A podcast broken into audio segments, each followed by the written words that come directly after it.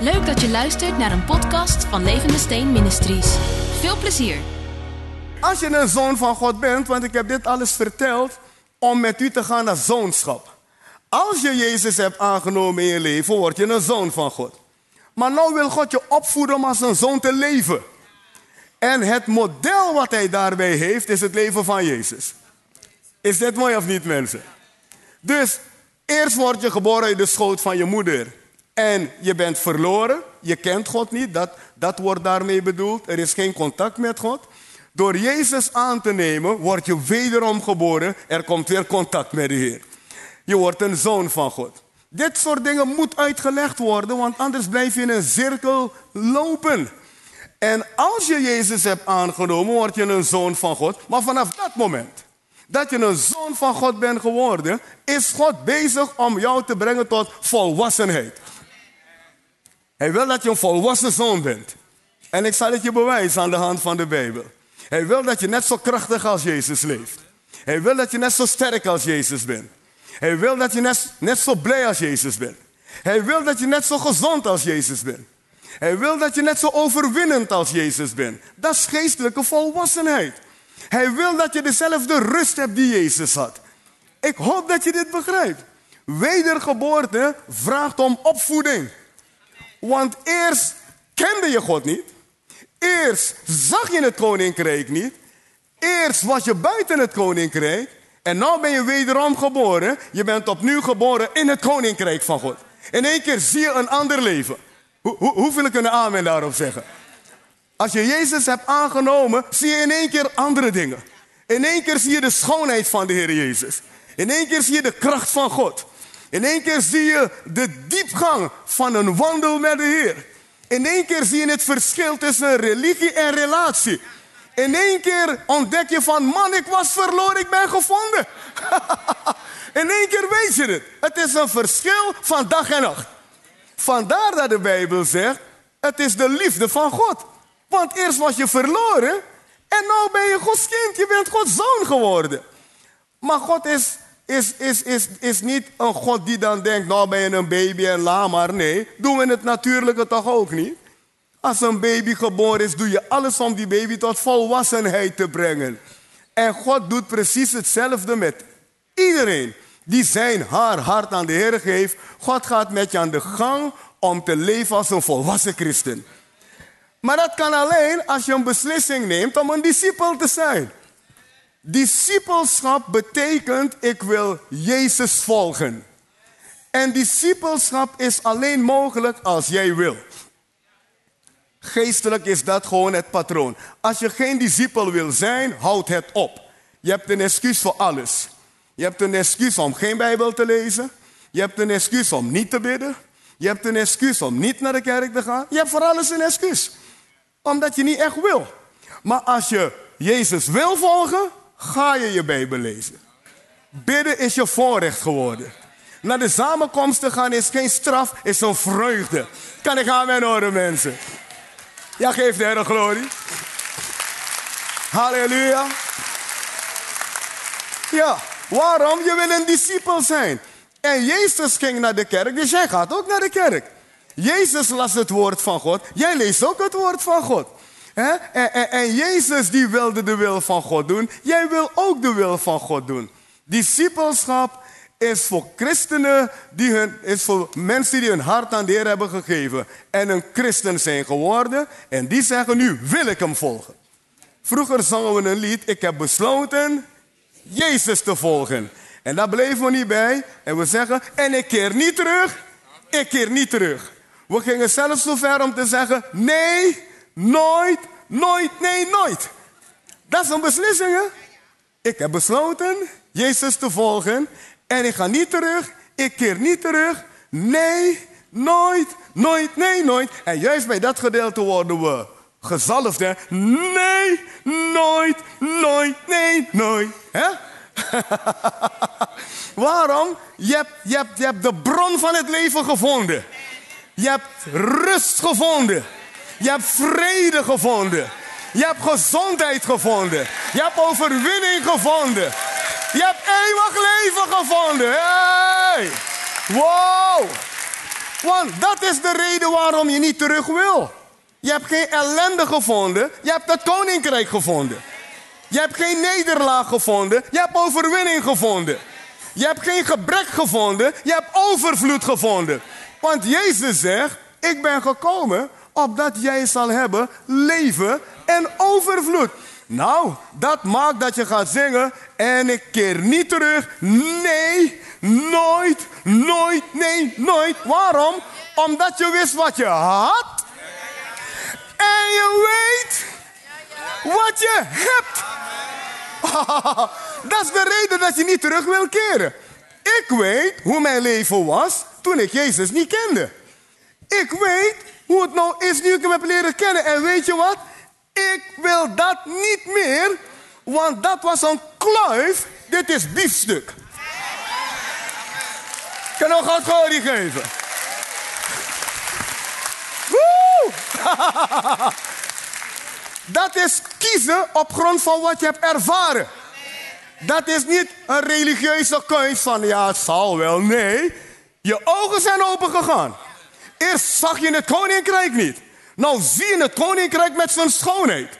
Je ziet Gods gerechtigheid, dat het voor jou is. Dat je dus kan leven naar de wil van God. Je ziet Gods blijdschap. Je ziet de vriendschap van de Heilige Geest. Je ziet Jezus die zegt, voor wie gelooft zijn alle dingen mogelijk. Je ziet wonderen en tekenen gebeuren. Hoeveel hier weten dat God wonderen en tekenen doet? Niet alleen lichamelijke wonderen en tekenen op alle fronten en op alle gebied. Als je met God wandelt, mag je wonderen en tekenen verwachten. Geef hem glorie, man. En dat is niet zo moeilijk te herleiden. Jezus had constant wonderen en tekenen in zijn leven.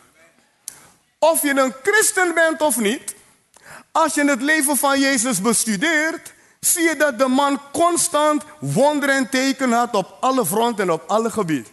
Als ik een volgeling van hem ben, is het logisch dat bij mij ook allerlei wonderen en tekenen gaan gebeuren. Kinderen die niet willen geloven, die toch gaan geloven. Dingen die onmogelijk lijken, die in één keer mogelijk worden. Ziekte die komt om je kapot te maken, die in één keer verdwenen is en niemand weet het. We zien die dingen regelmatig gebeuren. Uh, deuren gaan open die normaal niet open konden gaan. Er is bewaring, er is bescherming. Ik wil alleen zeggen, Jezus had al deze dingen constant rondom zich. Hij had een bovennatuurlijke atmosfeer rondom zich. Jezus had een bovennatuurlijke atmosfeer rondom zich. Hij roept zijn discipelen en er staat, ze zagen wonderen, ze zagen tekenen, ze zagen mensen vrijkomen, ze zagen geweldige doorbraak. De discipelen van Jezus hebben constant wonderen en tekenen gezien. Lichamelijke wonderen, geestelijke wonderen, materiële wonderen, op alle fronten en op alle gebieden. Nu, als u een discipel bent, reken maar uit. Wil hij dezelfde dingen doen? Want een discipel volgt Jezus. Je kunt niet zeggen, ik ben, een, ik ben een discipel en Jezus is nergens te vinden in je leven. Want als Hij jouw, leider is, dan is Hij constant aanwezig in je leven. Ik hoor iemand zeggen, ja maar, ja maar hij is toch gestorven. Klopt, maar hij is ook weer opgestaan. Hij is opgestaan, want dat is de power. Zijn opstanding uit de dood. Dat vieren wij met Pasen hey, hij heeft de duivel overwonnen, hij heeft ziekte overwonnen, het graf overwonnen. Hey, moeilijke omstandigheden overwonnen. Hey, hey, hij heeft alles overwonnen. De Bijbel zegt, God heeft hem de naam boven alle naam gegeven. God heeft hem verheven boven al het andere wat er is. Dat is de man die je volgt. Dat is de persoon die je volgt. Niemand minder als de opgestane Heer, Jezus Christus, de Zoon van de levende God. Halleluja. Wij volgen geen dode Jezus. Heel wat mensen zien Jezus als een historische figuur. Ja, maar weet je dat hij uit het graf terug is gekomen? En dat je hem kan ervaren in je leven. En dit is wereldwijd gaande. Is in Argentinië, is in Brazilië, is in China. Is, op de Filipijnen. Is in Afrika. Is in Europa. Is in Zuid-Amerika. Overal. Wederom geboren mensen. Geen religieuze mensen. Want er is een verschil tussen religie en echt Jezus kennen. En religie heb je ook overal, maar ook wereldwijd heb je wederom geboren mensen. In India, in Azië, noem het maar op. Die weten, Jezus Christus, Hij leeft, halleluja. En Hij leeft in mijn hart. Is mooi man. Oeh, ben je niet blij hiermee? En, en, en dus het is Gods verlangen dat je zal, zal, zoonschap zal tonen. Met andere woorden, dat je moeilijke omstandigheden overwint zoals Jezus het overwon. Als je met duistere machten geconfronteerd wordt, dat ze buigen. Als je met ziekte geconfronteerd wordt, dat jij overwint. Als je met gebrek geconfronteerd wordt, dat er overwinning komt, dat er een uitkomst is. Want dat was het leven wat Jezus had. Toen hij brood nodig had om de mensen mee te voeden en er geen brood was, heeft hij echt brood vermenigvuldigd.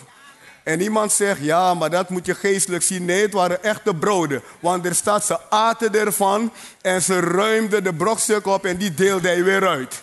En, en het was echt een, een reëel verhaal, het vermenigvuldigen van de broden.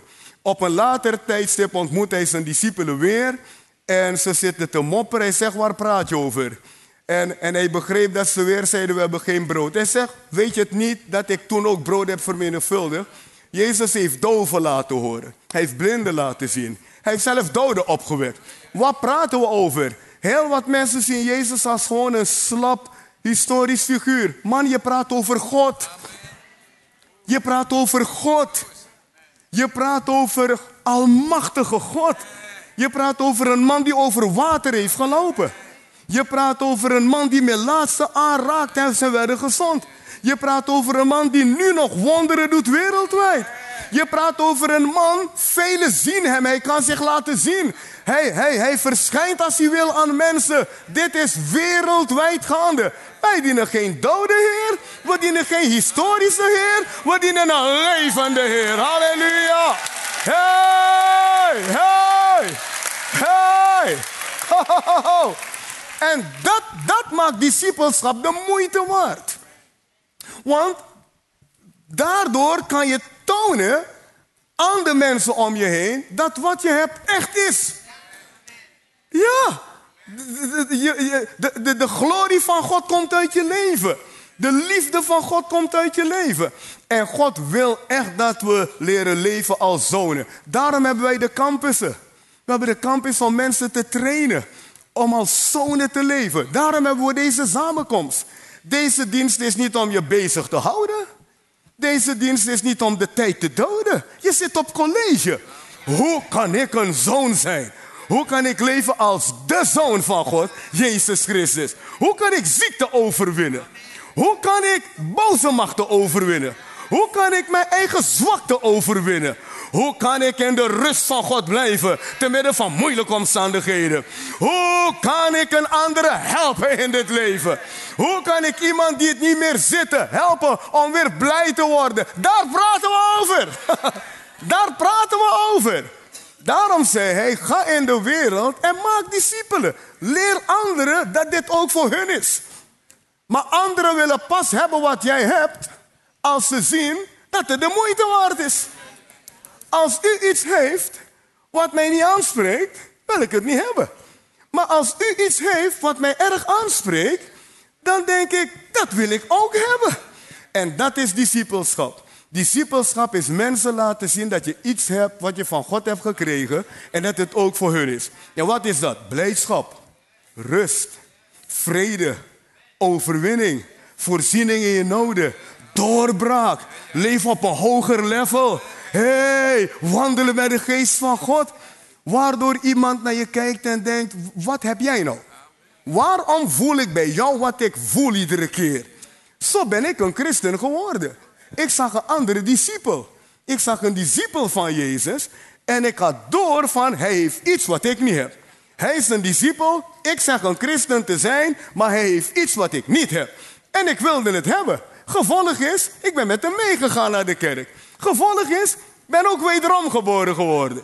Ben ook een discipel geworden. Wat wil ik je vertellen? Je kunt pas anderen tot discipelschap brengen als jij hun laat zien dat discipelschap de moeite waard is. Kunnen we de Heer glorie geven, mensen?